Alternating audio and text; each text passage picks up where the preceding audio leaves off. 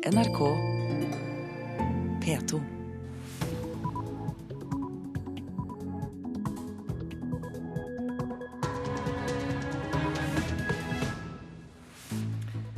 Øystein Heggen ønsker deg velkommen til P2s Nyhetsmorgen. Nå onsdag 25.9 klokka 6.30 er dette overskriftene. Det er erklært tre dagers landesorg i Kenya etter terrorangrepet. Mer enn 70 personer er bekreftet drept, men dødstallene kan komme til å stige. CO2-rensing i full skala, det er mulig uten Mongstad, sier klimadirektør Nils A. Røkke i Sintef Det handler litt om Norges renommé, egentlig det som har skjedd nå. Så det er viktig at man kommer i gang med en prosess i forhold til å etablere et fullskala anlegg i Norge. Bedrifter og bemanningsbyråer foretrekker studenter fra universiteter som er strenge og ikke deler ut for gode karakterer. Og vi skal høre at det norske fotballandslaget kan være reddet, men først om noen år, når neste generasjon lovende spillere kommer.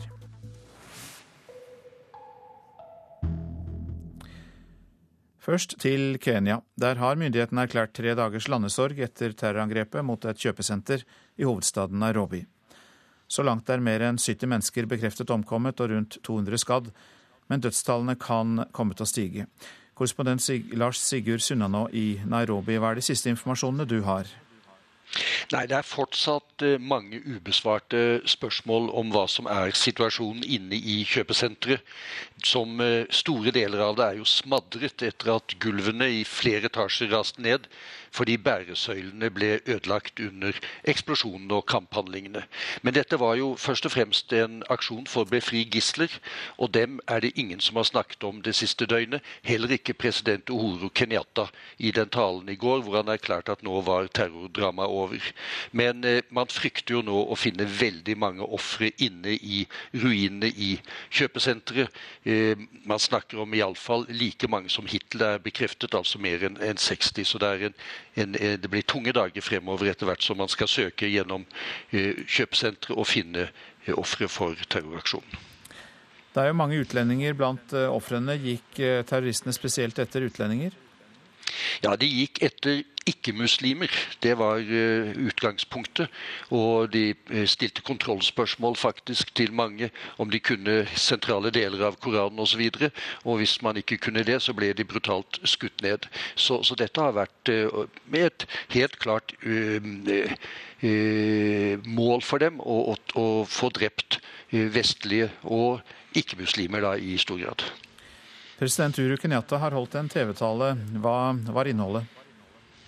Nei, det var Han berømmet jo eh, sikkerhetsstyrkene som hadde klart da å nedkjempe eh, terroristene inne i kjøpesenteret. Men det var lite konkret som kom frem. Han eh, kunne ikke bekrefte f.eks. at det var utenlandske statsborgere blant terroristene. Og også det var veldig lite substans om hva som faktisk og fysisk hadde skjedd i de fire dagene hvor denne aksjonen hadde pågått. Og Etter hvert så kommer det vel flere reaksjoner fra folk og medier i Kenya. og Hva sier de der? Nei, det vil jo bli reist spørsmål om hvor effektiv denne aksjonen inne i kjøpesenteret egentlig har vært i forhold til å befri gisler. Og Vi vet jo ikke hvor mange gisler som har vært der inne, og hva som faktisk skjedde med dem. Så, så det kommer nok en, en, masse spørsmål nå i bakkant av landesorgen som begynte i dag, og skal, som skal vare i tre dager. Takk skal du ha, korrespondent i Nairobi, Lars Sigurd Sunnanå. I Pakistan sier myndighetene at minst 173 mennesker har mistet livet i det kraftige jordskjelvet i går. Skjelvet hadde en styrke på 7,8. Det rammet provinsen Balutsjistan og førte til store materielle skader i provinshovedstaden Keta. Rystelsene var tydelig merkbare, både i den pakistanske havnebyen Karachi og i Indias hovedstad New Delhi. En mann i 20-årene er fortsatt savnet etter en fjelltur i Sjomtinden i Narvik. Det siste livstegnet fra den savnede var mandag ettermiddag da han dro på tur. Seks hundepatruljer har søkt etter mannen i hele natt uten resultat. Søket trappes nå opp, sier redningsleder Lars Nedregård ved Hovedredningssentralen for Nord-Norge. Vi kommer til å intensivere nå med å sette inn flere søksmannskaper i eh, ja, terrenget sør av Narvik. Det aktuelle området som vi forventer at han da kan ha bevega seg i. Eh, I tillegg til det så vil vi fly ut eh, søksmannskaper i litt vanskeligere terreng, slik at de kan dekke traseer som vi ikke klarte å ta i natt. En 49 år gammel mann fra Porsgrunn døde lørdag på sykehuset i Telemark to uker etter at han ble utsatt for blind vold i Aalborg i Danmark. En norsk 24-åring har tilstått at han sto bak og er fengslet i saken, skriver Varden. Voldsepisoden skjedde på ettermiddagen lørdag 7. september på trappen foran hotellet der 49-åringen ble sparket i hodet. Han hadde gått ut dit for å ta seg en røyk. Vi kan få fullskala rensing av klimagasser, selv om vi ikke fikk det til på Mongstad. Det sier klimadirektør i Sintef Nils A. Røkke. Nå kan vi ta en restart og utlyse en internasjonal konkurranse om de beste prosjektene. Til det trengs to ting mer realisme og mer fart. Man bør tenke annerledes, og det man bør gjøre, det er å gå i gang med en anbudskonkurranse. Og Da får man på plass dem som er villige og dem som er interessert i å faktisk bygge dette her. Og Da kan man også sikre at eh, de offentlige pengene blir brukt på en best mulig måte. Sist uke parkerte regjeringen Norges månelanding fullskala rensing av Mongstad-raffineriet i Hordaland. Det er bra, da kan vi endelig starte på nytt på en bedre måte, sier klimadirektør Nils Røkke i Sintef. Man burde fulgt en normal utviklingsbane, som betyr at man gjør forskning, utvikling, pilotering, altså full skala. Det har vi sagt i, i mange år. Men vi må ikke innbille oss at det blir så mye lettere enn på Mongstad. Det som imidlertid er viktig å huske på, er at det blir veldig mye lettere hvis vi lager en, en god avtale, en god eh, ramme rundt, som gjør at industrielle selskaper har interesse av å lykkes best mulig, billigst mulig. Sier daglig leder Marius Holm i miljøstiftelsen Zero. En ny giv og full konkurranse om prosjektene kan sikre fullskala rensing også på Mongstad, sier klimadirektør Nils Røkke. Men han starter oppramsingen av mulige klimagassprosjekter helt nord i landet. Der putrer og går Norges eneste kullkraftverk uten rensing. Og så må man jo se på hva kan man gjøre på Svalbard. Mange vil jo ha et nytt gasskraftverk der. Bygge mer forurensende energikilder for å rense dem, det høres litt rart ut for meg. Ja, Nå står det jo et veldig gammelt kullkraftverk eh, der oppe nå. Eh, så det å gå i gang med et nytt anlegg med CO2-håndtering vil jo være et eh, signalanlegg. Selv om det er en liten skala, så er det faktisk full skala. Zero-sjef Marius Holm vil helst satse på å rense gass- og industriutslipp. Jeg vil si at det viktigste er å finne løsninger både altså for gass og for industriutslipp. Det er i Norges interesser å finne måter å bruke gass på uten utslipp, fordi vi er en stor gassleverandør. Klimadirektøren på Sintef er glad månelandingen landingen nå er parkert. Det handler litt om Norges renommé, egentlig det som har skjedd nå. Så det er viktig at man kommer i gang med en prosess i forhold til å etablere et fullskala anlegg i Norge. For altså, nå ligger faktisk Europa fem år etter USA, Canada, Kina, Australia. Og Sånn var det ikke for fem år siden. Da var faktisk Europa i lid. Og det er viktig at vi tar tilbake den der, det hegemoniet. Reporter, det var Hedvig Bjørgum. Så til avisene. Krisemøte mellom Norwegian og Boeing i dag, skriver Dagens Næringsliv. Problemer med de nye Dreamliner-flyene fører til forsinkelser og tap for Norwegian. Aksjekursen for selskapet har gått ned med 40% de siste to månedene. Taxieier Ali Hassan fra Oslo støttet tidligere Al Shabaab og så på dem som frihetskjempere, skriver Aftenposten. Men etter hvert så han dem som terrorister og reiste til Somalia for å kjempe mot dem. Politiet henla 30 av 48 hatkrimsaker, er oppslaget i Vårt Land.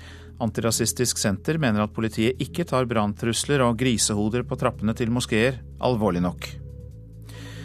Kevin på åtte måneder ble sendt hjem etter å ha fått Paracet på legevakten. Men åtte timer senere døde han av hjernehinnebetennelse, skriver Adresseavisen. Nå har fylkesmannen reist tilsynssak mot Steinkjer legevakt. Langt igjen før kravene til pedagogisk bemanning i barnehagen er oppfylt, skriver Dagsavisen. Riktignok går det framover, men 160 000 barn er uten pedagog i barnehagen. Og mer om behovet for pedagoger i barnehagene, også her i Nyhetsmorgen etter klokka sju. Sentrale KrF-ere nekter å regjere med Siv, er oppslaget i VG. En av årsakene som oppgis er at Siv Jensen og Frp-ledelsen ikke har tatt noe oppgjør med kontroversielle innvandringsuttalelser fra sentrale partimedlemmer. Grasrota i Kristelig Folkeparti advarer mot Siv, viser en meningsmåling gjort for Dagbladet. Et stort flertall i partiet ønsker en regjering uten Fremskrittspartiet. Krav om at Erna spør folket før kommunesammenslåinger, skriver Nasjonen. Alle berørte kommuner bør arrangere folkeavstemning om sammenslåinger ved valget i 2015. Det mener lederen av lokalsamfunnsforeningen Ole Gustav Naru. Full strid i Miljøpartiet, skriver Klassekampen på sin forside. Grønn Ungdom kommer med harde beskyldninger mot sentrale personer i partiet, som skal ha presset Miljøpartiets generalsekretær til å trekke seg. Publikum svikter dyr kunstsatsing, kan vi lese i Bergens Tidende. Bergen kommune har brukt 16 millioner kroner til Kunsttriennalen, men interessen er laber. Sist uke var bare 70 personer innom utstillingen.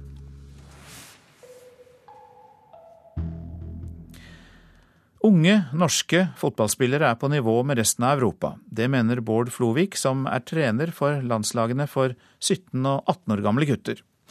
Han tror A-landslaget snart vil kunne få spillere av en helt annen kvalitet enn de har nå Det viser at vi har gutter som nærmer seg de beste i Europa, og som kan hevde seg mot de, de beste. Det sier Bård Flovik, som har ansvaret både for Norgesgutter 17 og gutter 18-landslag. Spesielt de yngste av disse har imponert. På 29 kamper har de kun to tap, og har bl.a. slått våre naboer i Sverige og Danmark. Jeg tror vi er ganske jevne, og at vi har i hvert fall kommet på høyde med dem.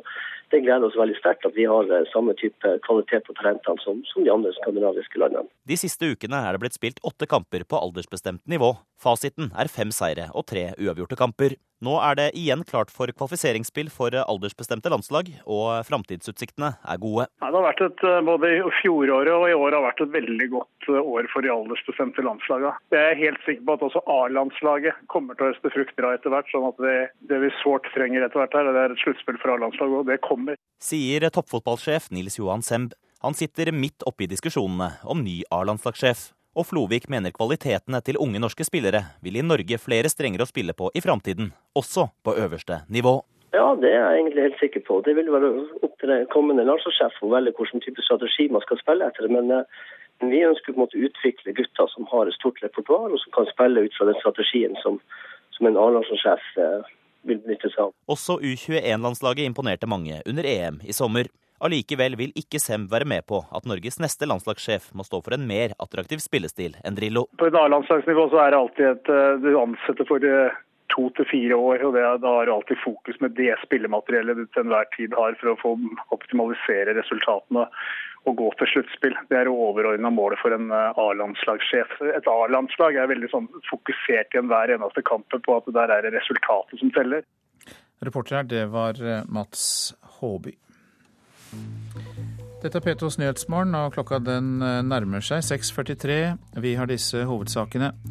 Det er erklært tre dagers landesorg i Kenya etter terrorangrepet. Mer enn 70 personer er bekreftet drept, men dødstallene kan komme til å stige. CO2-rensing i full skala er mulig uten det såkalte månelandingsprosjektet på Mongstad. Det sier klimadirektør Nils A. Røkke i Sintef. Og snart får du høre mer om at vi ikke rydder etter oss på sosiale medier. Dataspesialister oppfordrer oss til å slette bilder og informasjon.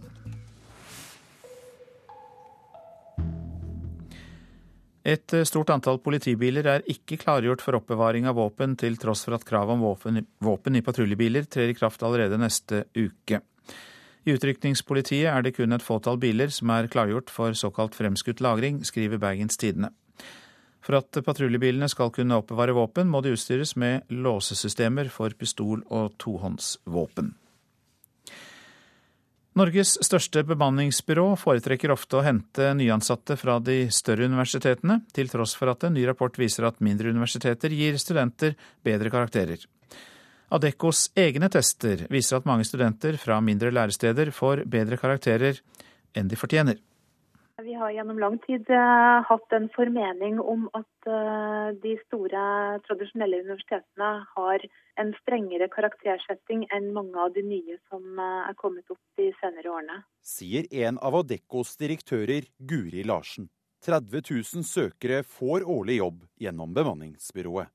Bl.a. så kjører vi evnetester og ferdighetstester på de kandidatene som søker jobb eh, gjennom oss. Det er store sprik mellom eh, karakternivå de har fått fra studiene sine, og eh, hvordan de scorer på disse testene.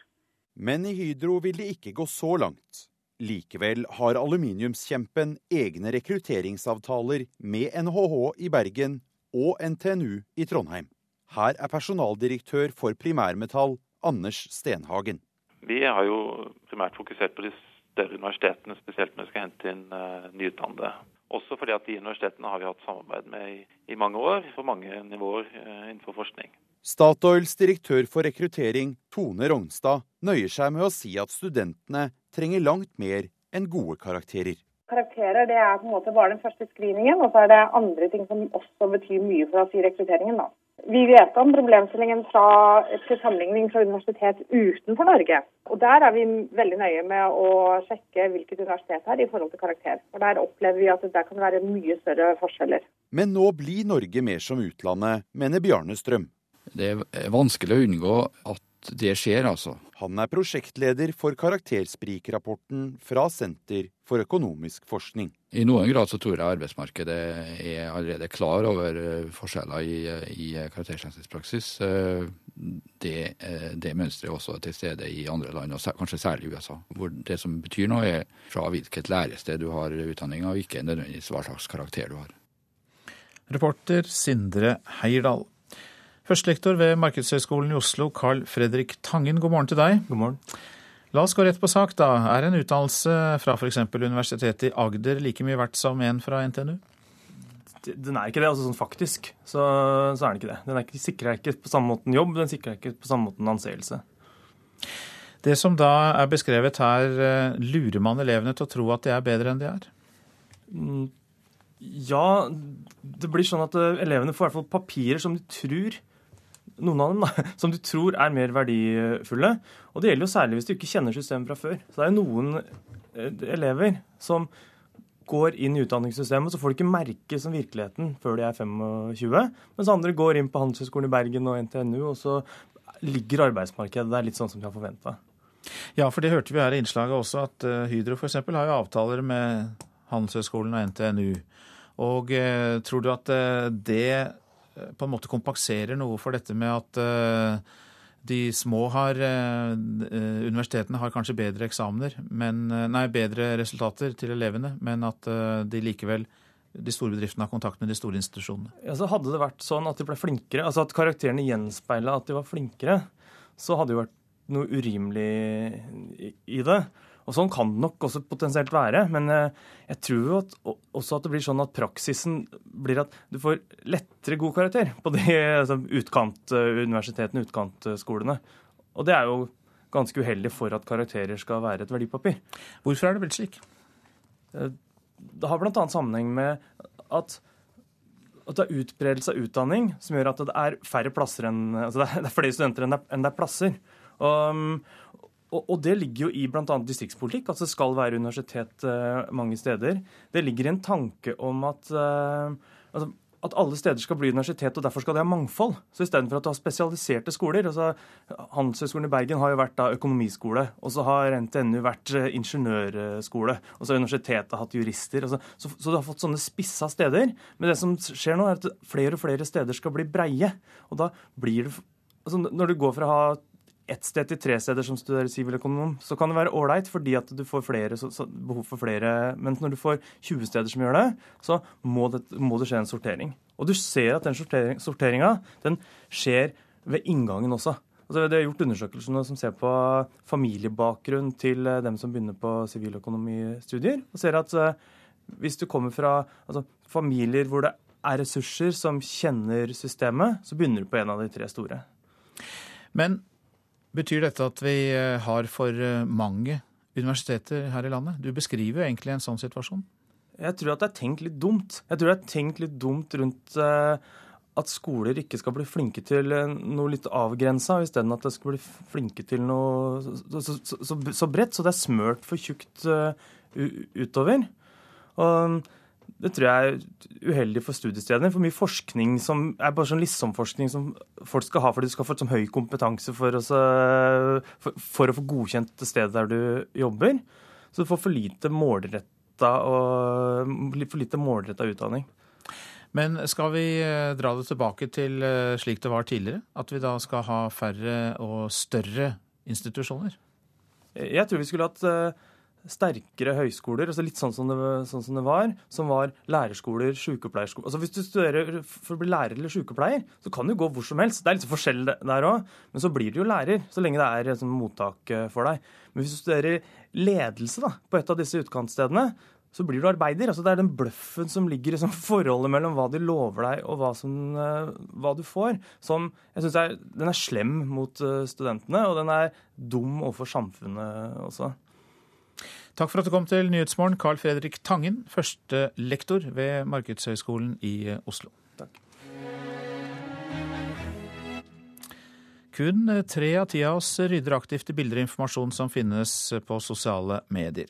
Mens noen mener det er blitt eh, mer akseptert å legge ut festbilder og slike ting om seg selv, så oppfordrer lederen for Norges største IT-selskap til opprydding på sosiale medier. Her er det et fra russetida. Her hadde vi, det er veldig, Jeg syns det er et morsomt bilde. Vi er i hvert fall veldig i det. Bilder fra russetida, dårlige spøker og lite gjennomtenkte kommentarer. For studenter på Universitetet i Oslo, og for alle oss andre, er tommelfingerregelen at det vi deler på internett, blir liggende om vi ikke sjøl rydder opp. Altså, jeg syns det er litt overraskende at uh, såpass mange ikke sletter eller i det minste oppdaterer uh, data om seg selv. Det sier Terje Mjøs, som leder Every, Norges største IT-konsern. For ei undersøking han har bestilt fra Ipsos MMI, viser at bare tre av ti av oss aktivt sletter data om seg sjøl på sosiale medium. Det er jo sånn at det som er publisert for kanskje seks eller seks måneder eller ett år siden, eh, sikkert var en god idé, men etter tid så kan det vise seg ikke være så eh, veldig smart. Av 1005 respondenter svarer kun 10% at de i stor grad sletter data om seg sjøl på sosiale medium. Ytterligere 20% svarer at de sletter i noen grad, og menn bruker delete-knappen enda litt mindre enn kvinner. Man burde kanskje tenke på at man trenger en type vårrengjøring, eh, kanskje hver sjette eller en gang i året, og, og gå gjennom hva man har liggende ute, og, og gjøre justeringer og slette det som ikke er like relevant lenger. Undersøkinga er gjort i samband med den store konferansen IT-tinget, som i dag åpner for 30. gang i Tønsberg. Og selv om de fleste av oss ikke tar grep for å pynte på inntrykket vi gir, har hele tre av fire sjekka hva som er publisert om oss på nett. Ja, hvis det er bilder jeg ikke liker, så ber jeg dem gjerne om å fjerne de.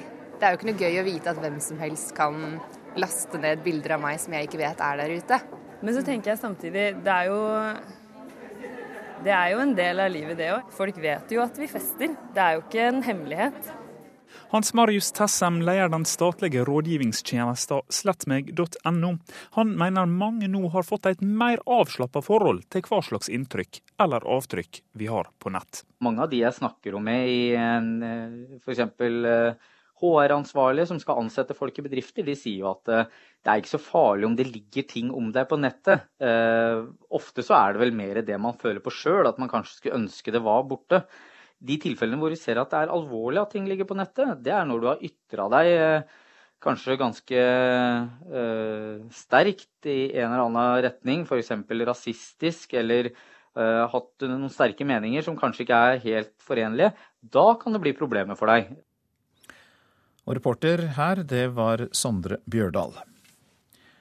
I dagene etter terrorhandlingene 22.07.2011 la mange nordmenn ned blomster og tegninger foran domkirken i Oslo. 2000 av disse har blitt studert av professor Sissel Lid ved Høgskolen i Hedmark. Hun har vært på jakt etter de verdiene vi grep til umiddelbart etter at terroren rammet Norge. Altså, Materialet er veldig mangfoldig. Og, men de verdiene som løftes fram, absolutt mest i det materialet jeg har sett på, det er kjærlighet og samhold. Og også denne kjærligheten og samholdet gjennomsyret av sorg. Hun har en bitte liten del av forskningsmaterialet plassert på sin kontordør, forsker Sissel Lid. En åtte år gammel jente har tegnet et grønt tre med en fargerik regnbue og en blid, gul sol plassert rett over treet. På tegningen har jenta skrevet 'La oss leve i samhold og kjærlighet'. I går holdt Lid et foredrag om forskningen sin på Høgskolen i Hamar i anledning forskningsdagene. 2000 tegninger, med og uten tekster, er nøye studert. De aller fleste har et budskap om nettopp kjærlighet og samhold. At kjærlighet og roser skal være våre våpen i den videre kampen. Men det finnes unntak. Altså, du er slem, Anders. Det du gjorde, var dårlig gjort. Altså denne type ting er der. hån av han, f.eks. hvor han plasseres bak gitter i fengselet, og Oslos befolkning som står utenfor og ler av han. To av de 2000 som jeg har sett på, ønsker Breivik død. For forskeren har to andre av de totalt 2000 tegningene gjort et særlig sterkt inntrykk. Vår medfølelse går til ofrene og deres pårørende, og til gjerningsmannens nærmeste. Vårt ønske er at de får fred, og at gjerningsmannen våkner. Hvorfor er det akkurat den som har gjort så sterkt inntrykk på deg? Jo, fordi at det er så lett å bebreide de som har hatt med Breivik å gjøre og har hatt innflytelse på han. Men eh, her innlemmes også de Altså, det forstås på en måte at de har det vondt nå. Og de innlemmes også i dette fellesskapet som omsluttes av kjærlighet og omtanke. Sissel Lid er en av fire seniorforskere som skal bruke havet av tegninger og tekster som et utgangspunkt for forskning, i alle fall fram til 2015. Nå om dagen leter Lid etter likhetstrekk mellom våre reaksjoner etter 22.07 og reaksjonene nordmenn hadde under og etter andre verdenskrig. I april 1945 manet hjemmefrontens ledelse til verdighet, ro og disiplin. Jens Stoltenberg brukte nesten de samme ordene i dagene etter 22.07. Og når Forsvarets overkommando i mai 45 sier at det er mer i pakt med våre tradisjoner at avstraffelsen skjer gjennom lov og rett. Og Stoltenberg allerede kvelden 22.07.2011 sier 'Jeg har et budskap til de som angrep oss'. Det er et budskap fra hele Norge. Vi skal finne de skyldige og holde dem ansvarlig. Altså, Det er litt av det samme tankegodset. Og, og Stoltenberg fikk jo gjennomslag. Og spørsmålet mitt er da, hadde han fått det voldsomme gjennomslaget som han fikk, hvis ikke denne type tenking lå et sted i det norske kollektive minnet.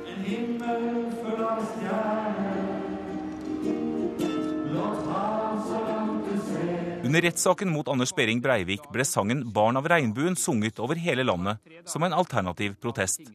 Sang som våpen ble også benyttet av nordmenn under krigen, forteller Sissel Lid. Hun viser til da biskop Berggrav ble arrestert av tyske soldater i 1942. Berggrav skulle holde gudstjeneste, og soldatene prøvde å fjerne de som var kommet for å høre biskopens ord. Men folk gikk ikke. Og de samlet seg bare flere og flere, og de blei på domkirkeplassen. Og de sang. De sang Fedrelandssalmen, blant annet. Og vi kan se at i, i, um, under rettssaken mot Breivik så samlet folk seg også på sentrale steder i byene rundt om i landet. Og så sang de. Da sang de Barna Regnbuen. For nettopp å protestere mot Breiviks tenking. Og jeg tenker, det, Dette her med å handle med ro og med verdighet, og sy, bruke sang som våpen Denne spontane reaksjonen. Det er det jeg spør. Kan dette ses i sammenheng? Professor Sissel Lid ved Høgskolen i Hedmark, og reporter var Ola Bjørlo Strande. Værvarselet kommer vi ikke utenom. Fjellstrøkene Trollheimen, Jotunheimen og Langfjella først. Stort sett opphold og til dels pent. Østlandet skiftende skydekke, enkelte regnbyger utpå dagen, vesentlig sør for Oslo. Telemark, Aust-Agder, Vest-Agder og Rogaland ser vi samlet. Skyet eller delvis skyet, enkelte regnbyger. I kveld lettere vær. Hordaland i sør skiftende skydekke og utrygt for enkelte regnbyger. I kveld lettere vær. Nord i Hordaland oppholdsvær og etter hvert til dels pent vær. Sogn og Fjordane får oppholdsvær, fra i formiddag etter hvert pent vær. Møre og Romsdal regnbyger, snøbyger over 1000 meter. Utover ettermiddagen lettere vær. Trøndelag først på dagen enkelte regnbyger i sør. Snøbyger over 7000 meter, ellers etter hvert pent vær. Helgeland, Saltfjellet, Salten og Ofoten for det meste pent. Lofoten og Vesterålen for det meste pent vær, men noe mer skyet i Vesterålen. Troms enkelte regnbyger i nord, ellers for det meste opphold. Vest-Finnmark med vidda, enkelte regnbyger, men også litt sol kan det bli. Øst-Finnmark nordøstlig liten kuling utsatte steder, i kveld stiv kuling lengst øst, enkelte regnbyger. Nordensjøland på Spitsbergen for det meste opphold. Temperaturer klokka fem. Svalbard lufthavn minus én, Kirkenes pluss tre. Alta fem, Tromsø tre, Bodø fire, Brønnøysund fem, Trondheim tre, Molde fem, Bergen ti. Kristiansand 5, Gardermoen 1 grad, Lillehammer 3, Røros 1 og Oslo-Blindern 6 grader da klokka var 5.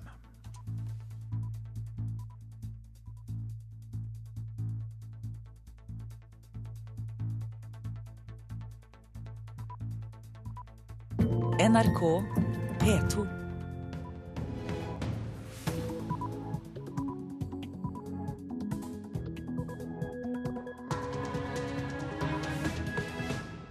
Klokka sju, dette er P2s Nyhetsmorgen, og dette er en nyhetsoppdatering. I dag får vi trolig vite hva slags regjering Norge får. Ennå står det litt igjen, sa FrPs nestleder Per Sandberg i går. Vi er ikke ferdig. Framstegspartiet og Venstre ble sittende etter de to andre partiene i går kveld. Men partileder Trine Skei Grande hevder det var helt tilfeldig. Vi, vi har kommet langt, men vi er fortsatt ikke i mål. Det er tre dagers landesorg i Kenya etter terrorangrepet mot kjøpesenteret i Nairobi. Så langt er mer enn 70 mennesker bekreftet drept. Man frykter jo nå å finne veldig mange ofre inne i ruinene i kjøpesenteret. Rogaland er blant fylkene som har færrest førskolelærere per barn i barnehagen. Her velger folk olje framfor barn. Ja, det sier pedagogisk leder Rebekka Husbø Madsen. Det syns jeg er dårlig. At eh, f.eks. Rogaland de fremmer mer olje enn hva de gjør med ungene som skal bli i framtida vår. CO2-rensing i full skala, det er mulig uten Mongstad, sier klimadirektøren i Sintef. Og mobbing på sosiale medier går som en farsott på norske skoler. I Øyer sluttet mobbingen da det ble forbudt med mobiltelefon, og på skolen altså. Og både elever og lærere er fornøyde. Jeg syns det er fint, jeg egentlig. Fordi jeg får litt mer ro, og så blir ikke folk så stressa og bedre miljø. Ada Berg, en av elevene i Øyer.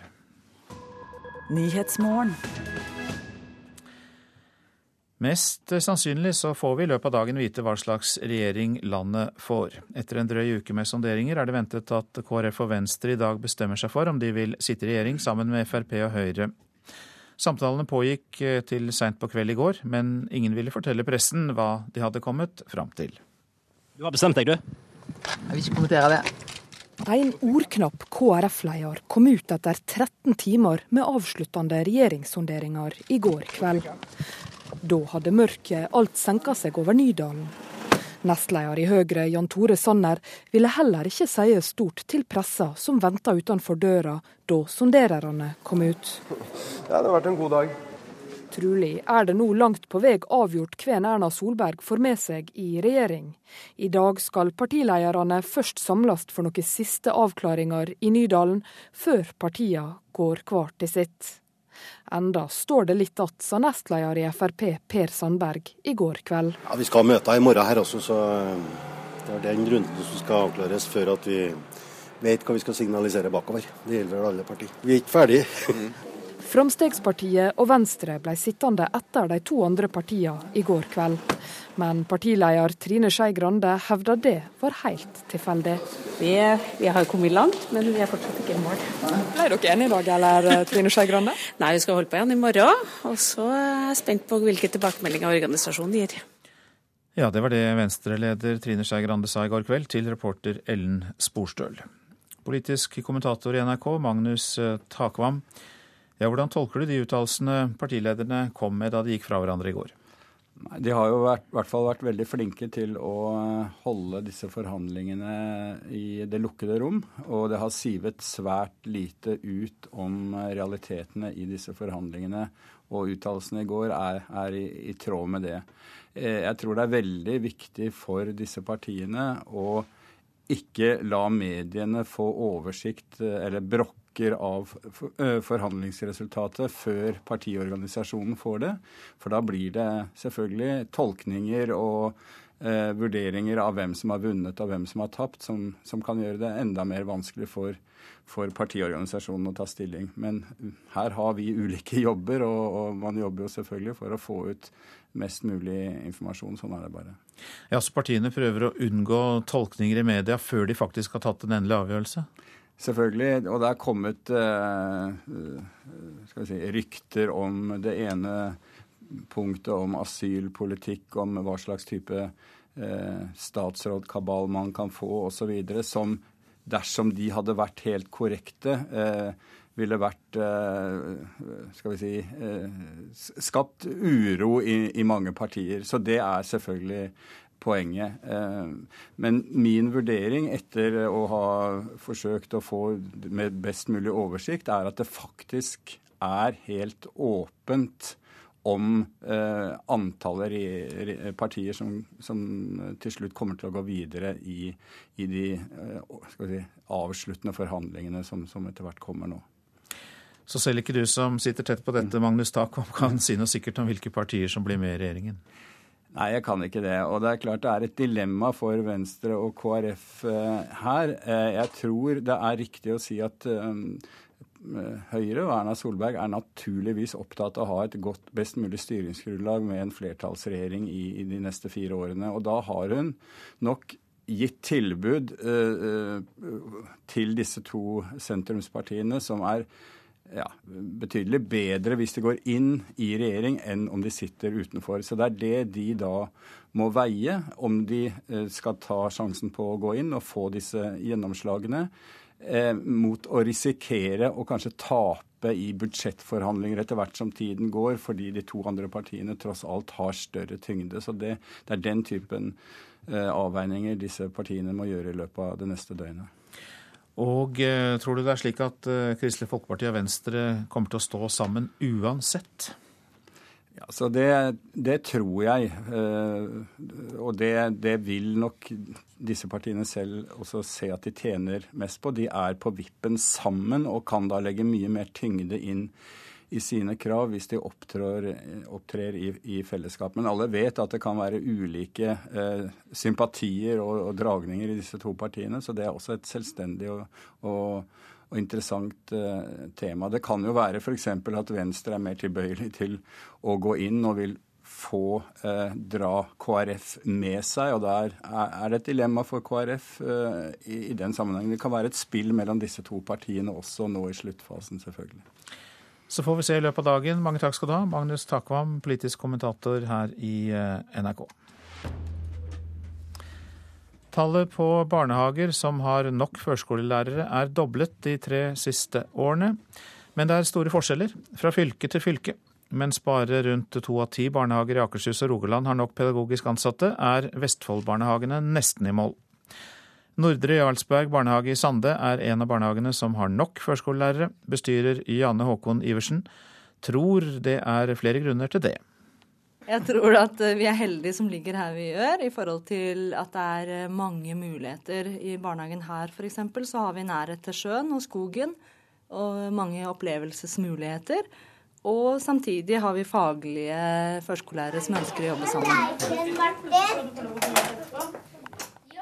Eh, jeg tenker at den vanlige gata kan være god voksen med barn.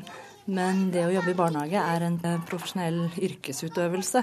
Det er ikke, en, det er ikke privat ansvar, men et samfunnsansvar, et samfunnsmandat. Det å, å ja, det med læring og omsorg og lek i barnehagen er noe annet enn gata.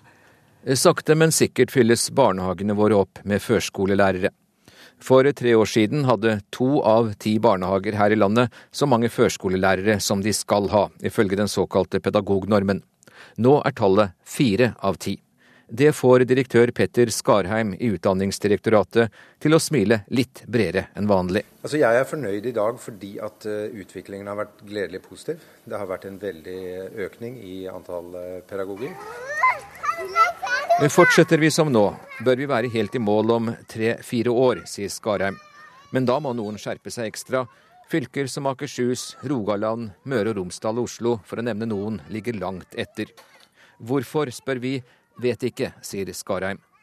Det er også ting som vi må dykke dypere ned i. Vi har rett og slett ikke tallgrunnlag eller, eller eh, rapporter som kan si oss noe på mikronivå om det. Det kan nok avspeile at noen steder så man, eh, har man vært dyktigere enn andre steder til å få dette i, i, sving. Andre steder så må man kanskje jobbe litt mer. Noen av de stedene som har lav dekning i dag, vil ved relativt enkle midler kunne komme vesentlig opp i dekning. Hva liker du å gjøre i barnehagen? Jeg liker å disse på de dissene der. Oi, hvorfor da? De bak der. Hva er kjekt med det? Jeg kan hoppe av de og sånt, og ta de og hoppe igjen og sånt. Syns du dette er en kjekk barnehage å være i? Ja. Kampen barnehage i Stavanger er en av barnehagene som ikke har nok førskolelærere. Rebekka Husbø Madsen er pedagogisk leder uten formell utdannelse. Men snart er hun ferdigutdannet, og flere bør velge barn framfor olje, sier hun. Jeg tror alle i Rogaland de velger heller olje og skal tjene masse penger enn å jobbe i barnehagen der ikke lønna er fullt så bra. Det syns jeg er dårlig. At eh, f.eks. Rogaland de fremmer mer olje enn hva de gjør med ungene som skal bli i framtida vår. Reportere her, det var Hans Jørgen Solli, Hans Christian Eide og Mathias Oppedal. Ragnhild Lid, velkommen til deg. Takk. Du er leder i Utdanningsforbundet. Og eh, ja, det at det er kommet flere barnehagelærere til barnehagen er vel musikk i dine ører? Ja, det er fint å se en sånn positiv utvikling. Det betyr jo at uh, stadig flere forstår hvor viktig barnehagelærerne er for å få god kvalitet på tilbudet til barna. Og stemmer uh, disse tallene med det inntrykket dere også har i forbundet? Ja, vi var nok eh, ikke klar over at det var kommet såpass langt de siste åra. Men vi har sett en positiv utvikling. Men så er jo det sånn at vi kan ikke slå oss til ro med dette. Eh, vi kan ikke slå oss til ro før eh, alle barnehagene i hele landet har god nok eh, barnehagelærerdekning. Ja, Så hørte vi at det var store forskjeller her. Vestfold kommer jo bra ut, og så er det Akershus og Rogaland der det er dårligere. Hva tror du er årsaken til det? Det er jo vanskelig å, å vite hva som er årsaka til det. Men det som er grunn til å tro, det er jo at der de har fått opp eh, dekninga av eh, barnehagelærere, der har de iallfall forstått at barnehagen er grunnmuren i utdanningssystemet og eh, skal legge grunnlaget for, for barna si, si seinere læring. Men kan det tenkes at noen kommuner spekulerer i å ansette ufaglærte for å spare penger? At de er gjerrigere enn andre? Eh, det kan tenkes. Jeg håper ikke det er tilfellet. For uh, da tenker ikke en framover. Det er veldig kortsiktig tenking. Men det er klart, med en trang kommuneøkonomi, så kan jo det sikkert være fristende å ty til sånne grep uten å løfte blikket og se framover på vegne av uh, framtida vår. Da tenker de kanskje at det viktigste er å få tak i noen som er flinke til å passe på barna, ikke nødvendigvis har denne utdanningen. Hva er ditt budskap til dem som eventuelt tenker sånn? Altså, De må tenke gjennom hva slags kompetanse barnehagelærerne har. De har kunnskap om barn og barndom, og de legger til rette for eh, barnas utvikling og læring gjennom leik og samspill de kan eh, de ulike fagområdene som det står om i rammeplanen for barnehagen. Eh, de kan følge barna sin språkutvikling, sin fysiske utvikling og ikke minst den sosiale utviklinga i barnegruppene. Og det er veldig viktig eh, for barna sin framtid også. Men nå er det altså da slik, eh, som vi hørte i innslaget også, at uh, tallet på barnehager som har nok førskolelærere er doblet de tre siste årene. Det er jo da positivt, som, som du også sier.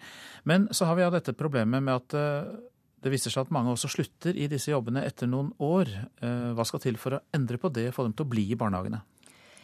Ja, Vi har jo gjort en undersøkelse blant de som har slutta og nå er ute i andre yrker.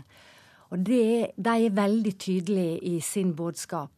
Det handler om å få et godt fagmiljø i barnehagene. Det betyr at i de barnehagene der det er mangel på barnehagelærere, der slutter de få som er igjen. Så her handler det om å få nok barnehagelærere, slik at de kan få det fagmiljøet som skal til for å fortsette å utvikle seg i jobben. For å ha gode faglige diskusjoner. Og så er det en ting til, da, som de er tydelige på. Og det er selvsagt lønna til eh, barnehagelærerne. Det er altså ikke noe annet yrke som eh, eh, gir ei så dårlig livslønn som akkurat det yrket. Jeg satt og venta på det, og det måtte vel komme til slutt, dette med lønna også, Ragnhild Lid. Takk skal du ha, du er leder i eh, Utdanningsforbundet. Dette er Nyhetsmorgen, og klokka den går mot kvart over sju, og dette er hovedsakene. Etter en drøy uke med sonderinger er det ventet at KrF og Venstre i dag bestemmer seg for om de blir med i regjering med Frp og Høyre eller ikke. Det er erklært tre dagers landesorg i Kenya etter terrorangrepet i Nairobi, som kan ha tatt over 100 liv. Og John Kerry og Tony Blair kommer eh, til eh, Norges møte i FNs hovedkvarter når det er nytt givermøte for Palestina i dag.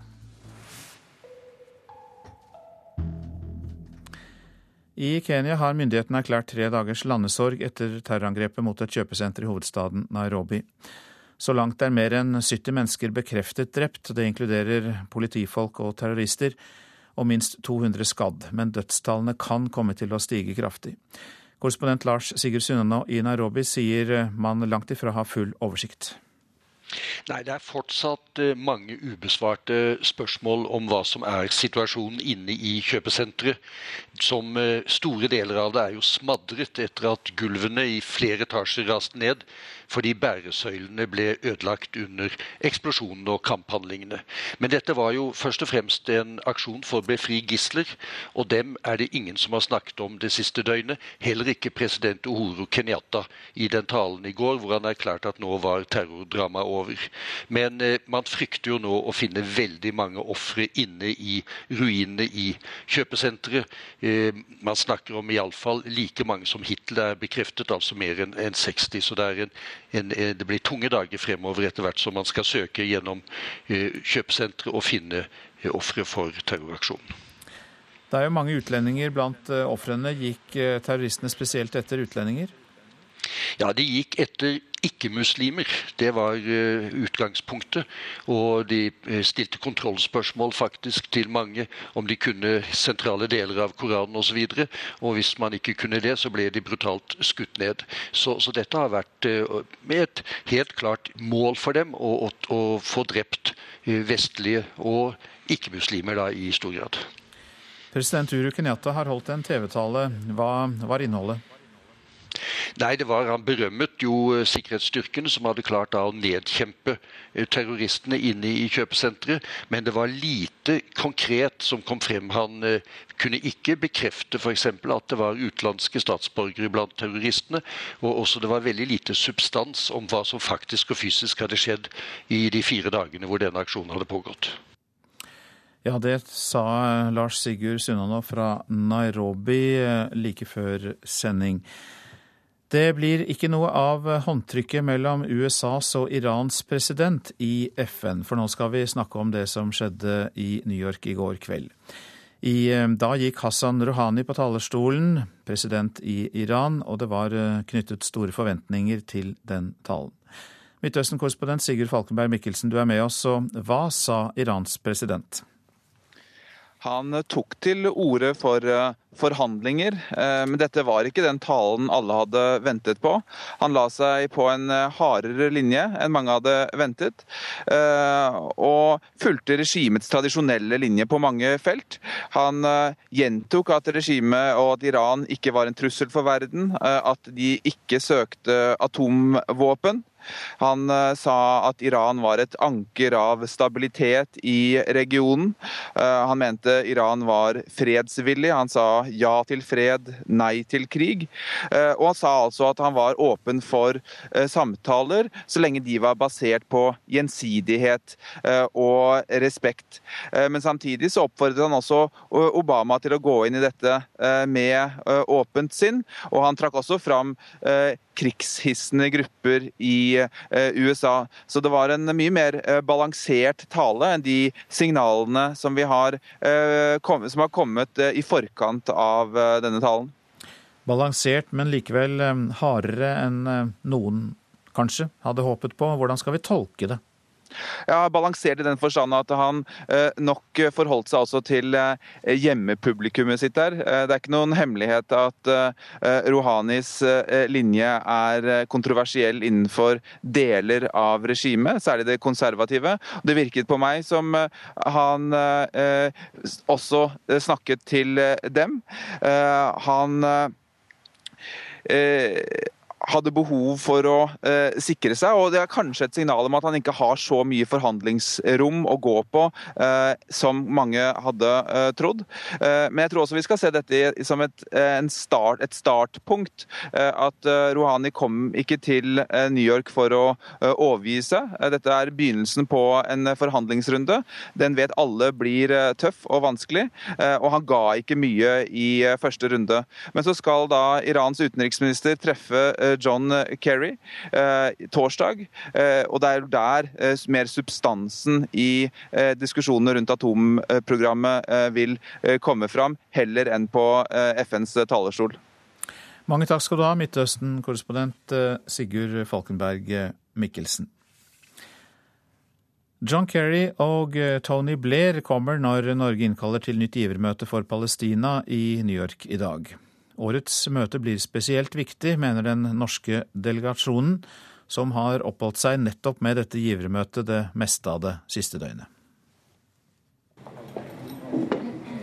Syrias nye opposisjonsleder møter den norske delegasjonen.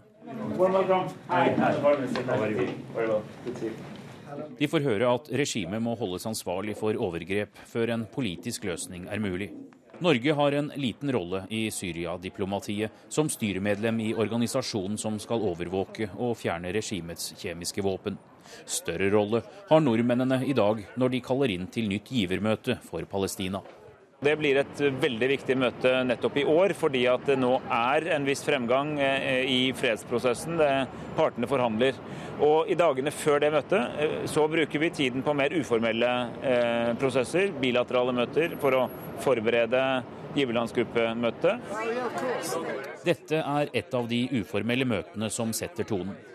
Terje Rød-Larsen er vert for en rekke arabiske utenriksministre og sentrale aktører i Midtøsten.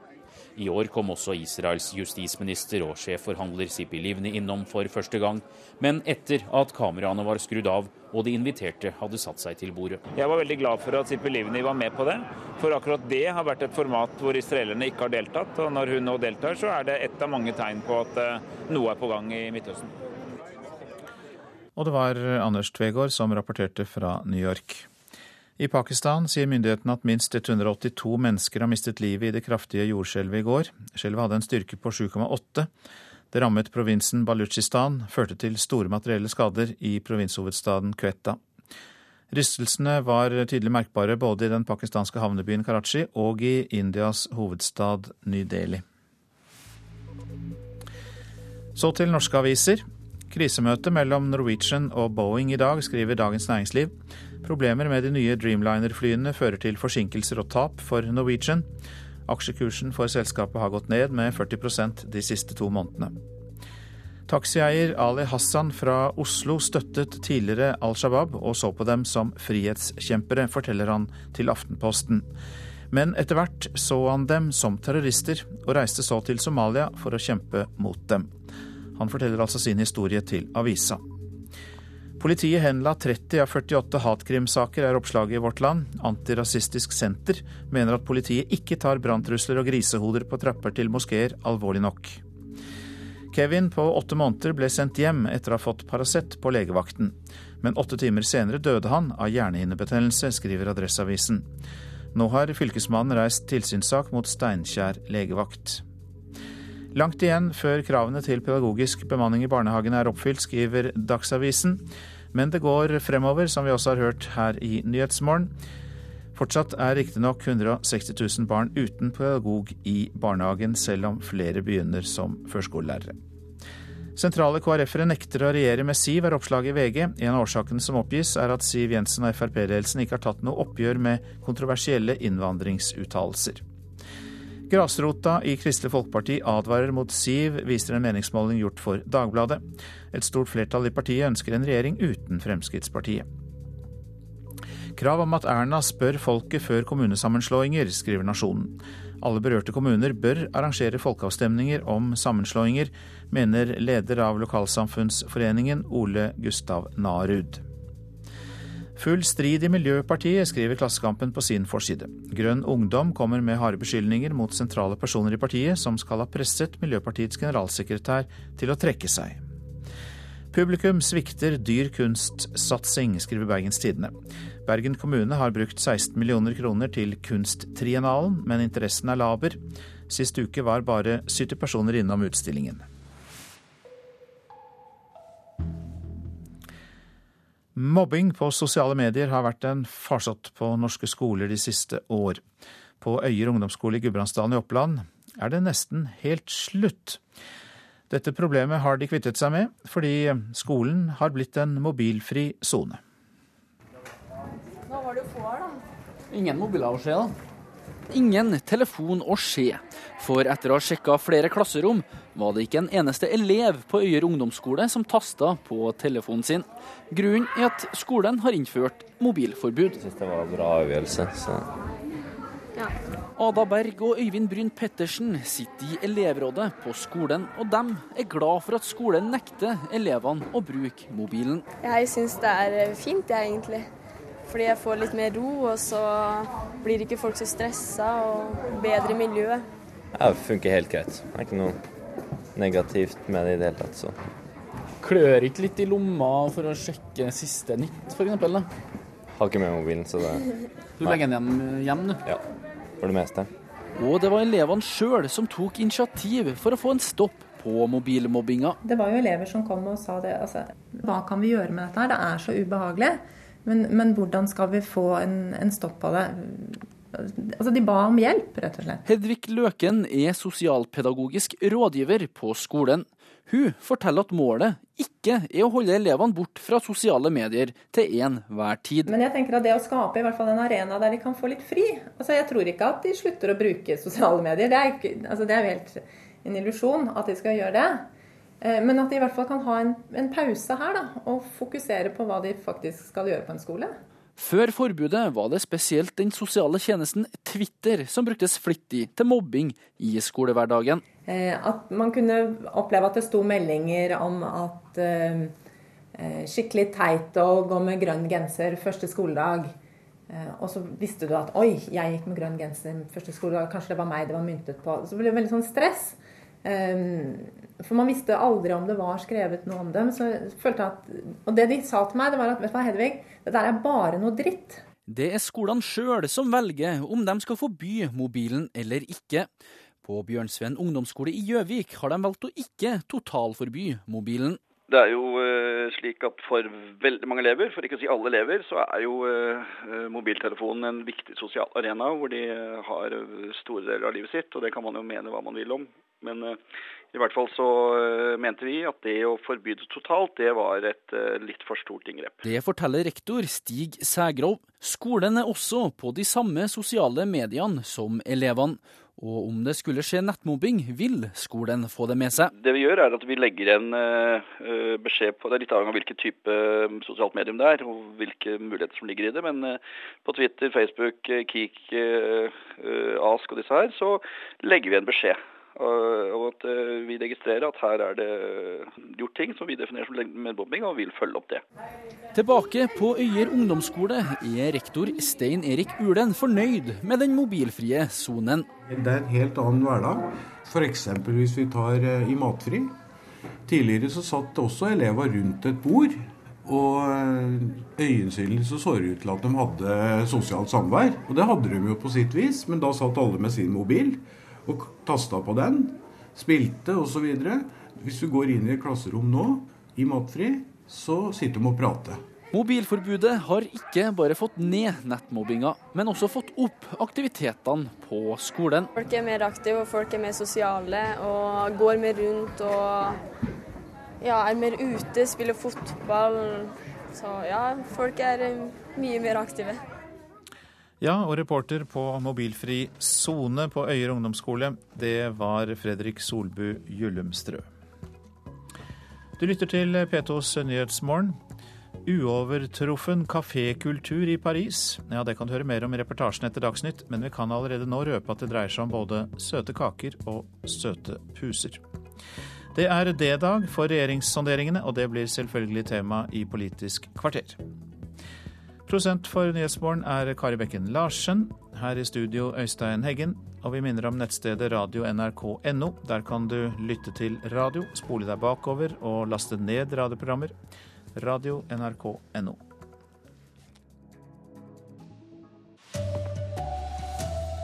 Regjeringssonderingene avsluttes i dag. Ennå uklart om alle de fire borgerlige partiene blir med i forhandlinger. Overlevende etter terrorangrepet i Nairobi forteller om grusomme scener inne på kjøpesenteret. Og kvinnelandslaget i fotball har stor tro på å komme til VM. I kveld møter de Belgia på Ullevål. God morgen, Her er NRK Dagsnytt, klokka er 7.30. Ja, I dag blir det trolig klart hva slags regjering Norge får. Etter en drøy uke med sonderinger er det ventet at Kristelig Folkeparti og Venstre i dag bestemmer seg for om de vil sitte i regjering sammen med Høyre og Fremskrittspartiet. Samtalene pågikk til sent i går kveld, men ingen ville fortelle pressen hva de hadde kommet frem til. Du har bestemt deg, du? Jeg vil ikke kommentere det. En ordknapp KrF-leder kom ut etter 13 timer med avsluttende regjeringssonderinger i går kveld. Da hadde mørket alt senka seg over Nydalen. Nestleder i Høyre, Jan Tore Sanner, ville heller ikke si stort til pressa som venta utenfor døra da sondererne kom ut. Ja, det har vært en god dag. Trolig er det nå langt på vei avgjort hvem Erna Solberg får med seg i regjering. I dag skal partilederne først samles for noen siste avklaringer i Nydalen, før partiene går hver til sitt.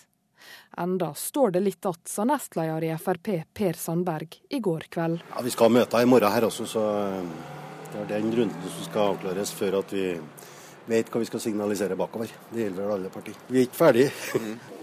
Framstegspartiet og Venstre ble sittende etter de to andre partiene i går kveld. Men partileder Trine Skei Grande hevda det var helt tilfeldig. Vi, vi, har kommet langt, men vi er fortsatt ikke i mål. Ble dere enige i dag, eller eh, Trine Skei Grande? Nei, vi skal holde på igjen i morgen. Og så er jeg spent på hvilke tilbakemeldinger organisasjonen gir. Ja, det sa Venstre-leder Trine Skei Grande sent i går kveld. Reporter her var Ellen Sporstøl. Politisk kommentator her i NRK, Magnus Takvam. Går det an å si noe mer nå om hvilke partier som eh, kommer til å bli med i regjeringsforhandlinger?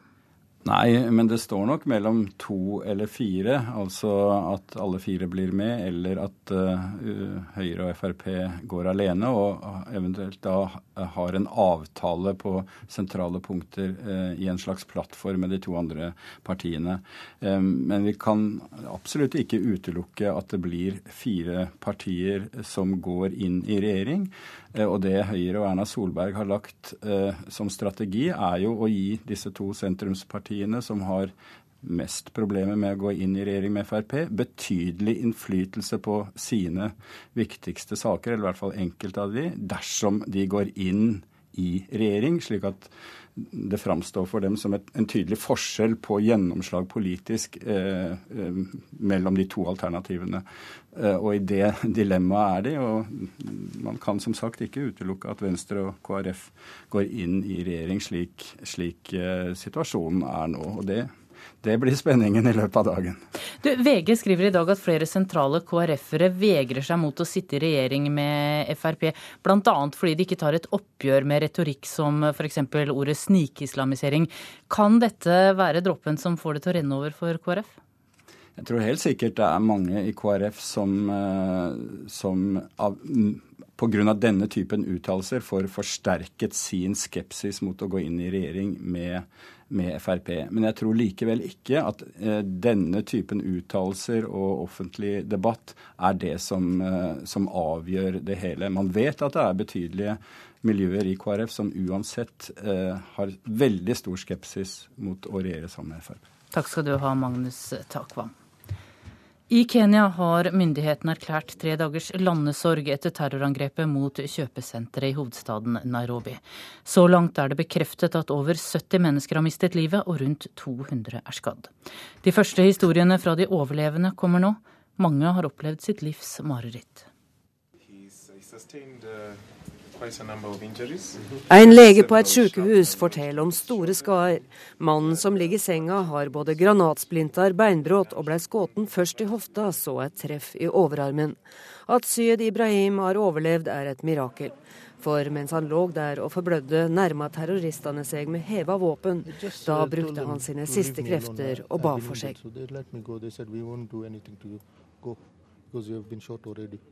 Jeg ba deg om å la meg i fred, jeg er skadd, la meg gå.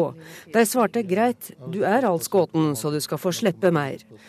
Et reporterteam fra APTN har fått tilgang til et overfylt sykehus. Det er rundt 200 skadde, og de kan fortelle at alle ikke-muslimer ble skyteskiver. Det er minst 18 utlendinger blant de drepne. Briter, franske, canadiske, australske, peruvianske, indiske og kanskje flere nasjonaliteter. Blant de skadde skal det være fem amerikanske. Men om hun er aldri så hardt skadd, tenker Shamin Marlow på framtida til landet, og hun sier til det utenlandske teamet at Kenya tross alt er et fredelig land. It can happen. It, it can happen anywhere. So keep tourists coming. We need all the help we can get. Dette kan hende i alle land, som tidligere i Storbritannia eller hvor som helst. Så la turistene komme tilbake til Kenya, vi trenger den hjelpa vi kan få, sier den terrorskadde kvinna. Men i dag frykter alle for den sanninga som gjemmer seg inne i det gjennomskåtne kjøpesenteret i Nairobi. Det sa reporter Sigrun Slapgard. I Pakistan sier myndighetene nå at minst 208 mennesker har mistet livet i det kraftige jordskjelvet i går. Skjelvet hadde en styrke på 7,8. Det rammet provinsen Balutsjistan og førte til store materielle skader i provinshovedstaden Quetta. Det er store forskjeller på hvor mange førskolelærere som jobber i barnehagene her i landet. Det viser tall fra Utdanningsdirektoratet. Mens bare én av fem barnehager i Akershus og Rogaland har nok pedagogisk ansatte, er Vestfold-barnehagene nesten i mål. Nordre Jarlsberg barnehage i Sande er en av barnehagene som har nok førskolelærer. Førskolelærere. Bestyrer Janne Håkonsen tror det er flere grunner til det. Jeg tror at eh, vi er heldige som ligger her vi gjør, i forhold til at det er eh, mange muligheter. I barnehagen her f.eks. så har vi nærhet til sjøen og skogen, og mange opplevelsesmuligheter. Og samtidig har vi faglige førskolelærere som ønsker å jobbe sammen. Sakte, men sikkert fylles barnehagene våre opp med førskolelærere. For tre år siden hadde to av ti barnehager her i landet så mange førskolelærere som de skal ha, ifølge den såkalte pedagognormen. Nå er tallet fire av ti. Det får direktør Petter Skarheim i Utdanningsdirektoratet til å smile litt bredere enn vanlig. Altså jeg er fornøyd i dag fordi at uh, utviklingen har vært gledelig positiv. Det har vært en veldig økning i antall uh, pedagoger.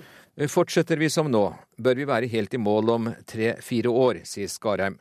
Men da må noen skjerpe seg ekstra. Fylker som Akershus, Rogaland, Møre og Romsdal og Oslo, for å nevne noen, ligger langt etter. Hvorfor, spør vi. Vet ikke, sier Skarheim. Det er også ting som vi må dykke dypere ned i. Kampen barnehage i Stavanger er en av barnehagene som ikke har nok førskolelærere. Rebekka Husbø Madsen er pedagogisk leder uten formell utdannelse.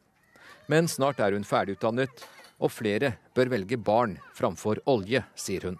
Jeg tror alle i Rogaland de velger heller olje og skal tjene masse penger enn å jobbe i barnehagen der ikke lønna er fullt så bra. Det syns jeg er dårlig.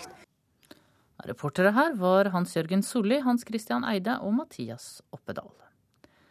Et stort antall politibiler her i landet ikke klargjort for oppbevaring av våpen, til tross for at kravet om våpen i bilene trer i kraft allerede neste uke. I utrykningspolitiet er det bare noen få biler som er gjort klare for å ha våpen, skriver Bergens Tidende. Monteringen av utstyret som kreves koster rundt 50 000 kroner per bil. Politiet får ikke ekstra penger til dette. Det norske kvinnelandslaget i fotball mener EM-sølvet i sommer har gitt dem fornyet selvtillit. I kveld møter de Belgia på Ullevål.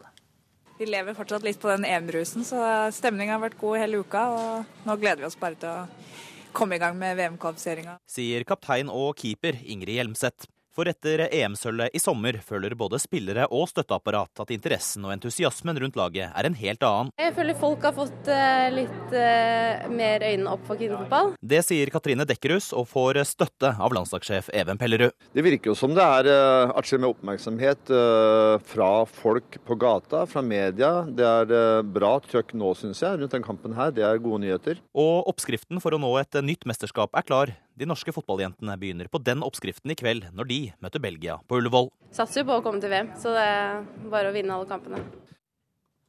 Ja, Det sa Katrine Dekkerhus, som også skal spille VM-kvalifisering i kveld. Og det skjer på Ullevål. Ansvarlig for Dagsnytt-sendingene denne morgenen er Sven Gullvåg. Det tekniske ansvaret har Hanne Lunås. Her i studio Tone Nordahl.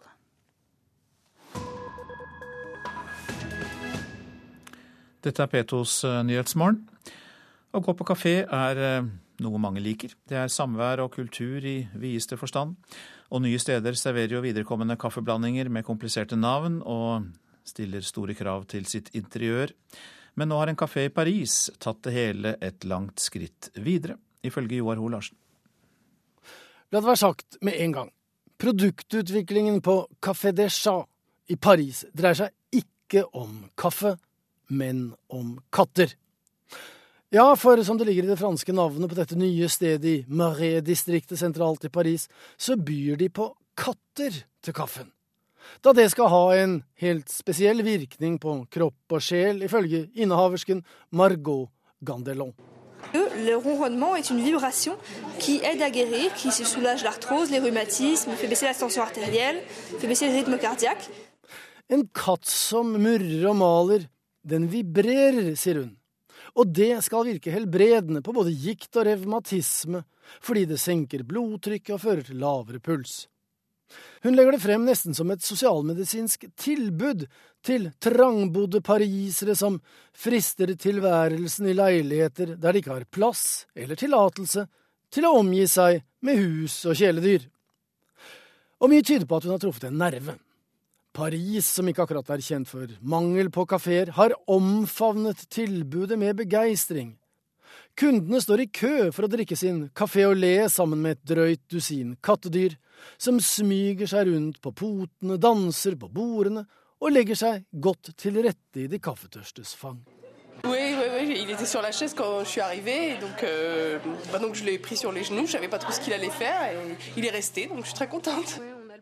Da kunden Estelle skulle sette seg, så var stolen opptatt av et av trekkplastrene, så hun løftet den til side og satte seg, men la katten godt til rette i sitt eget fang, hvor den til Estelles store glede ble liggende og male, slik at hun kunne stresse ned. For bare det å komme inn i det trange lokalet når det står 300 potensielle kunder i kø, kan føre til høye skuldre og ditto blodtrykk, noe Fabian Labourot kan bekrefte.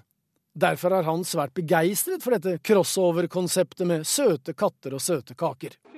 C'est un concept très sympa, avec des, des, chats très gentils, la nourriture est bonne aussi, donc c'est vraiment agréable de passer un moment, un moment ici. En slik meny virker forlokkende på Fabian og andre, skjønt dyrevelferden kommer først, sier innehaversken Margot, som ikke er redd for å bli kalt eksentrisk. Kunder som plager pusekattene, vil bli kastet på dør. Det er nulltoleranse mot dyreplageri. Det er helt klart, sier Margot. For dette er dyr som har vært plaget nok.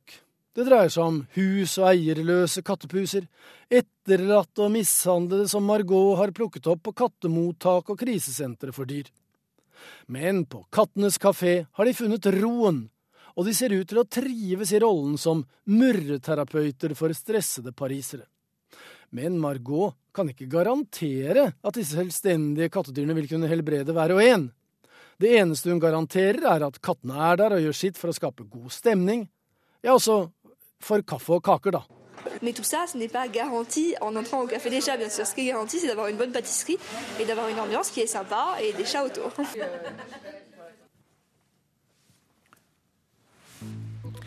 Dette er Petos Nyhetsmorgen, og dette er hovedsakene. Terrorangrepet i Nairobi kan ha tatt over 100 liv. Det er erklært tre dagers landesorg i Kenya. Det blir stadig flere barnehager med nok førskolelærere, men forskjellene er store fra fylke til fylke. Akershus og Rogaland er blant de som kommer dårligst ut. Og norske politibiler mangler utstyr for våpenlagring, bare en uke før nye regler trer i kraft. I dag er D-dagen for regjeringssamtalene, og de fire partiene skal bestemme seg for om de skal gå for en firepartiregjering eller ikke. Programleder for Politisk kvarter, Håvard Grønli. Ja, i dag tar de med seg dokumenter fra samtalene i Nydalen, og så spør de partiorganene sine til råds. Vi har med oss to av de som i dag skal være med å bestemme, i KrF og Venstre.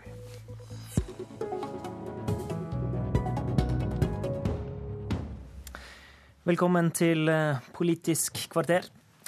Nestleder i KrFU, Emil André Erstad, du er landsstyrerepresentant i KrF. Velkommen hit. Takk, takk. Det er jammen meg litt av et valg du skal være med på å ta for partiet i dag. Ja, det er jo det er et spennende valg. Der vi kan få betydelig politisk gjennomslag, enten på den ene eller andre måten. Og det det ser jeg fram til å være med og diskutere sammen med landsstyret senere i dag, og jeg er spent på de hvordan de samtalene har gått. Tror du det blir et vanskelig valg? Jeg tror eh, vi får en god diskusjon om eh, politisk gjennomslag og hvordan det vil se ut for KrF ved å sitte i en ny regjering. Og at det er politikken som blir tema. Så, så er det jo ingen tvil om dette er et, et viktig valg for partiet, og at vi må derfor må tenke oss nøye og hvis du ser på avisforsiden i dag, så handler, handler overskriftene mye om sentrale KrF-ere sin tvil og ulyst til å regjere sammen med Frp. Tror du det er Fremskrittspartiet samtalene dere skal ha, eh, vil dreie seg om? Jeg tror eh, som sagt samtalene vil dreie seg om politikk. Eh, politisk gjennomslag. Det har vært viktig for KrF hele veien. Eh, helt siden vi tok eh, vårt vedtak i landsstyret i fjor, så har det dreid seg om politisk gjennomslag. Eh, og da er det den politiske heilskapen som blir avgjørende for om vi kommer til å gå inn i regjering, eller om vi vil stå utafor på et eller annet vis. Det, det er derfor viktig. Og så for KrFU sin del så kommer vi til å vi har jo prioriterte saker som vi kommer til å løfte opp internt. og for vår del så vil jo vi prøve å se på de sakene. og Det er jo ingen overrasking at eh, til dømes en god offensiv utviklingspolitikk vil stå høyt på den lista for eh, KrFU. Så det er det første temaet du kikker etter når du får dokumenter fra Nydalen? Det er et av de første temaene jeg kommer til å kikke etter. Men så får vi se, da. Jeg vet lite om det som har skjedd i de samtalene. Like lite som Eh, alle oss andre. Eh, og jeg kjenner meg litt som en sånn unge på julaften som er veldig spent. Eh, og fordi jeg ennå ikke vet hva innholdet faktisk er. Tror du pakken er mjuk eller hard, da? jeg, tror blir, jeg, tror det blir, spennende å se om vi, om vi får politisk gjennomslag i den ene eller andre formen. og jeg ser fram til å høre hva disse samtalene har gått ut på. og så på bakgrunn av det jeg får høre, så vil jeg gi et råd til partiledet på vegne av KrFU. Eh, men jeg tror alle forstår at jeg ikke kan eh, gi de rådene på radio eh, nå. Iselin Nybø, du er valgt, nyvalgt stortingsrepresentant for Venstre fra Rogaland. Du er med oss fra studio i Stavanger. God morgen. God morgen. I Venstre er det stortingsgruppa som har siste ordet, og senere i dag så tar du flyet til Oslo for å være med på å ta denne avgjørelsen. Er, det, er det julaften for deg også? Det er i alle fall veldig spennende, eh, og det tror jeg eh, det er mange som er i dag. Nå har jo media spekulert i dagevis på hva de snakker om og hva de har kommet fram til, men, men, når alt kommer til alt, så er det veldig få som faktisk vet eh, hva de har snakket om og hva de har kommet fram til. Så jeg tror det er mange i Venstre som er veldig spente i dag på å høre hva Trine Skei Grande har å fortelle oss, og hva hun har å spørre oss om. Eh, og jeg tror at mange i Venstre i dag har en forventning om at vi skal få høre hva de har diskutert, og hva de har kommet fram til, og at vi skal få, at vi skal få en skikkelig diskusjon om hva vi ønsker å gjøre eh, videre. Og det, det er klart at vi er spente på det. Og så vet, fikk NRK stadfesta i går kveld at Trine Skei Grande og Knut Arild Hareide er klar med et råd til sine egne partiorgan. Hvor viktig blir det rådet som Trine Skei Grande gir? Eh, jeg og Venstre har jo full tillit til Trine Skei Grande og de andre som har vært inne i disse sonderingene. Vi vet at uh, Trine gikk inn i de sonderingene med det målet å få Venstre i regjering. Så er det sånn at det, det er jo bare de som har sittet der inne. Det er de som har følelsen på hva, altså, hva man kan få til. Og, og, og de har òg følelsen på hvor, altså, hvor, partiet står, hva som rører seg i organisasjonen. Så jeg tror nok at det rådet som de kommer med, det vil veie tungt. For, uh, for vi har stor tillit til vårt sondering evalueringsteam. Du, Vi har snakka mye i media om enkeltsaker som Lofoten, Vesterålen og asylpolitikken. Er det slike um, viktige saker, enkeltsaker som avgjør dette valget? Jeg tror vi skal være ganske tydelige på at eh, det er helheten som, som, betyr noe. Så har media eh, og, og, partifolk har lufta fram enkeltsaker. Men, men, for meg og for Venstre så er det jo viktig at vi får gjennomslag for eh, de store linjene, for helheten i vår politikk. For, for meg og Venstre så er skolepolitikk viktig, f.eks. Vi er opptatt av å få til videre- og etterutdanning for lærere. Eh, miljøpolitikken er viktig, men det handler ikke bare om Lofoten Vesterålen. Det handler om en helhet.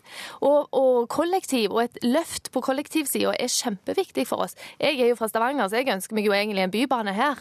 Så dette handler om en helhet, ikke bare om enkeltsaker. Så med andre ord, hvis en får det en ønsker på Lofoten Vesterålen, så er det ikke sikkert det er nok? Nei, det, dette handler om en helhet. Det er ikke enkeltsaker som avgjør dette. Dere to som er med i studio nå, dere representerer de minste partiene eh, når det gjelder valgoppslutning da, i disse fire partisamtalene. Og eh, Emil André Erstad fra KrF, eh, må dere få mer gjennomslag enn prosenten tilsier hvis, hvis du skal gå inn for, for firepartiregjering? Det blir jo vanskelig å sitte her og lage politiske form, nei, matematiske formler på hvor mye gjennomslag hvert parti bør ha i en eventuelt ny regjering. Men for KrFs sin del så er det eh, den politiske helskapen som blir avgjørende. Både hva saker vi eh, får gjennom, hva seire vi får, men òg eh, hva saker de andre partiene får gjennom. Eh, så det er den politiske helskapen som avgjør. Og, ja, så, du, så, du, vil se på hva Høyre og Frp får, eh, får gjennom i denne regneskapen? Det er klart at det blir viktig hva helskapelig politikk en ny regjering fører. Og for KrFU sin del så er utviklingspolitikk til dømmes en viktig del av den helheten. Hva tenker du, Nybø i Venstre, må dere ha mer gjennomslag enn valgoppslutninga egentlig tilsier? Eh, jeg er jo enig med, med, han fra KrF her at det er ikke en matematisk formel som, som, avgjør altså hvem som får oppslutning fra hva. Nå er jo både Venstre og KrF sentrumspartier, og sånn sett så ligger vi, ligger vi i sentrum. Og, og, vår politikk er jo er jo lagt ut fra det, som gjør at vi kanskje får mer gjennomslag enn de som ligger helt ytterst.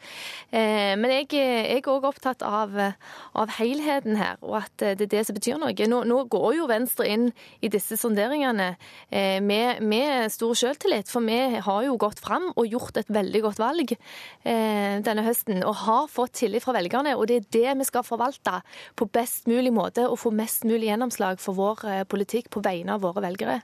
Du, Venstre har hele veien sagt at det er usannsynlig at partiet havner i regjering med Frp. Ja. Nå har dere sittet sammen i mange dager for å definere et felles prosjekt. Ser du det som like usannsynlig i dag at dere havner i regjering med Frp? Jeg eh, sitter ikke med noe kunnskap som skulle tilsi at det har endra seg. Det er klart at Venstre og Frp står langt fra hverandre politisk. Så det er fortsatt det er, usannsynlig? Det er politikken som betyr noe her, ja. Eh, jeg er spent på hva Trine, Trine kommer tilbake til landsstyret og, og stortingsgruppa med i dag. Men, men jeg, tror, eh, jeg, tror, vi skal fortsatt si at det er usannsynlig. Det er Høyre, KrF, Venstre-regjering som er vårt primære utgangspunkt. Og så har partilederne deres sagt at de har fast følge. Erstad, vil du skjele til hva Venstre gjør i dag, eller tar dere et valg i dag på helt egen kjøl? Det er nok viktig å henge sammen med Venstre, eller så blir vi hengt hver for oss, tror jeg. Men, eh, men selvfølgelig, det er politisk gjennomslag igjen som avgjør, og det, det blir viktigst eh, når vi tar avgjørelsen vår i dag. Nybø, vil dere holde dere orientert om hva for et valg KrF tar i dag? Jeg føler meg ganske trygg på at eh, Knut Arild Hareide og Trine Skei Grande har en god dialog eh, rundt dette. Og de har lagt stor vekt på at eh, vi skal holde sammen. Og jeg tror de, har, jeg tror de holder tette kontakt gjennom dagen òg. Takk til Emil André Ørstad i KrF og Iselin Nybø i Venstre, som skal være med på å ta valget for sine parti i dag. I studio nå har vi to kommentatorer. Magnus Takvam eh, fra NRK og Berit Aalborg, samfunnsredaktør i Vårt Land. Berit, er det de samme sakene som er vanskelige for Venstre og KrF? Du, Det er noen av de samme sakene, og en del av de sakene som har vært omtalt i media de siste, sånn som asylbarn, Lofoten, Vesterålen og pappapermisjon, der har Venstre og KrF eh, ganske like krav. Men, eh, men, de skiller seg også på en del punkter. Og eh, KrF er et mer, i den økonomiske politikken et mer sosialdemokratisk parti enn Venstre. Og de er mer skeptiske til skattelettelser og ønsker en større offentlig sektor. Og så har du f.eks. et spørsmål som alkoholpolitikk skiller Venstre og KrF veldig kraftig lag, der hvor, eh, hvor KrF ønsker en mer eh, konserv, eller en, en, alkoholpolitikk sånn som den er i dag. Og det gjelder flere ting. Landbrukspolitikken skiller de også lag. Så det er en del forskjellige, eh, en del forskjellige krav som vil ligge her fra partiene når de ser dette dokumentet som er forhandla frem. Og Hvis vi fokuserer på KrF, hva skal til for at de ender opp med å svare ja og gå helt inn i forhandlingsrommet med Frp, og da sannsynligvis ende opp i firepartiregjering? Ja, altså Jeg tror det er riktig at det handler om helheten.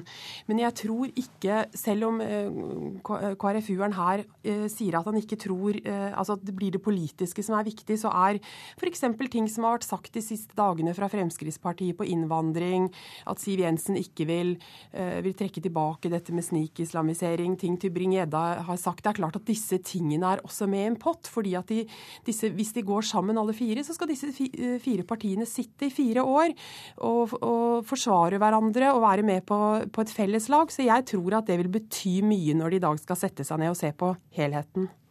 Magnus Takvam, vi refererte til avisforsiden i, i, dag der det er dratt fram mye tvil i KrF. Har denne tvilen vokst seg større i KrF og Venstre de um, siste par ukene? Det er vanskelig å si. Vi har jo en situasjon der hvor det er noen veldig få eh, i disse partiene som er fullt informert over innholdet i eh, forhandlingene. Eh, så jeg tror kanskje at de miljøene utenfor holder på sine standpunkter. Og noen har sikkert fått enda mer skepsis f.eks. til Frp på bakgrunn av det dere snakker om her. Men jeg tror eh, tross alt at ikke den typen enkeltuttalelser, selv om de spiller en viss rolle, er utslagsgivende i det, i det strategiske valget som disse partiene skal gjøre i dag. Eh, det har vært svært få lekkasjer fra disse samtalene i Nydalen. Hvordan tolker du det? At de er flinke til å være hemmelighetsfulle, for det første. Og for det andre at det er utrolig viktig for dem at uh, informasjonen om uh, kompromisser ikke filtreres gjennom media, som har lett for å uh, kåres vinnere og tapere, og, og dermed påvirke behandlingen i, i partiene. Sånn at eh, Det har vært en veldig viktig del tror jeg, av selve liksom, prosessen å holde det, det, lukket så godt som de faktisk har, har klart eh, å gjøre. Berit Aalborg var inne på dette med at uh, KrF kanskje i større grad er et utgiftsparti enn de andre. Har Erna Solberg råd til å gjøre alle fire partier fornøyde? Nei, selvfølgelig ikke fullt ut. Hvis man eh, med fornøyde mener at alle skulle få gjennomslag for sine primære eh, forslag i, i partiprogrammene. Så det er altså, alle partier her må regne med krevende kompromisser. Jeg mener, Det er nok å liste opp uh, bompenger, sykehus, mer til forskning, eldreomsorg, veisatsing kombinert med skattelette som, som en eh, kombinasjon som ikke går, går, sammen. Sånn at det er, er, krevende. Men man er muligens ikke nødt til i den første runden å ta alle de prioriteringsvalgene, men på en måte regne med at, eh, at, man legger en del føringer, og så vil kampen stå i de årlige budsjettene om, om en del av disse tingene. Berit Aalborg, eh, hva, hva, skjer egentlig? Hvem bestemmer i dag? Er det partilederne som skal lytte til det partiorganene mener, eller eh, er det partiorganene som lytter på lederen sin, f.eks. Hareide og Skei Grande? Jeg tror det er veldig veldig viktig hva partilederne, altså Skei Grande og og Knut Arild Hareide vil si. fordi at det er klart at De har jo sittet inne i disse eh, forhandlingene. sånn at partiet vil jo aldri uansett få den fulle oversikten over hvordan stemninga har vært, følelsen av hvordan gjennomslaget kan være. Så jeg tror det er veldig veldig viktig hva, hva lederne sier, og de andre som har vært med i forhandlingsdelegasjonene. Magnus Takvam, vi er mest opptatt av KrF og Venstre i dag, men kan vi få en situasjon der KrF og Venstre har fått såpass mye at det er Frp som sier nei takk? Det kan man selvfølgelig eh, teoretisk ikke utelukke, men jeg tror ikke det. Altså jeg tror eh, For Frp er det og Siv Jensen et strategisk veldig viktig mål å komme inn i regjering og få gjennomslag på et par tydelige punkter eh, som de kan vise til, og så eh, kommunisere utad at dette er det første skrittet, og, og, og at, at, de etter hvert vil få mer gjennomslag. Så jeg tror ikke eh, Frp hopper ut. Eh, det som er dilemmaet her, eh, tror jeg, i forhandlingene, strategien fra Høyre, har vært å gjøre en tydelig forskjell på graden av gjennomslag for særlig sentrumspartiene innenfor eller utenfor regjering.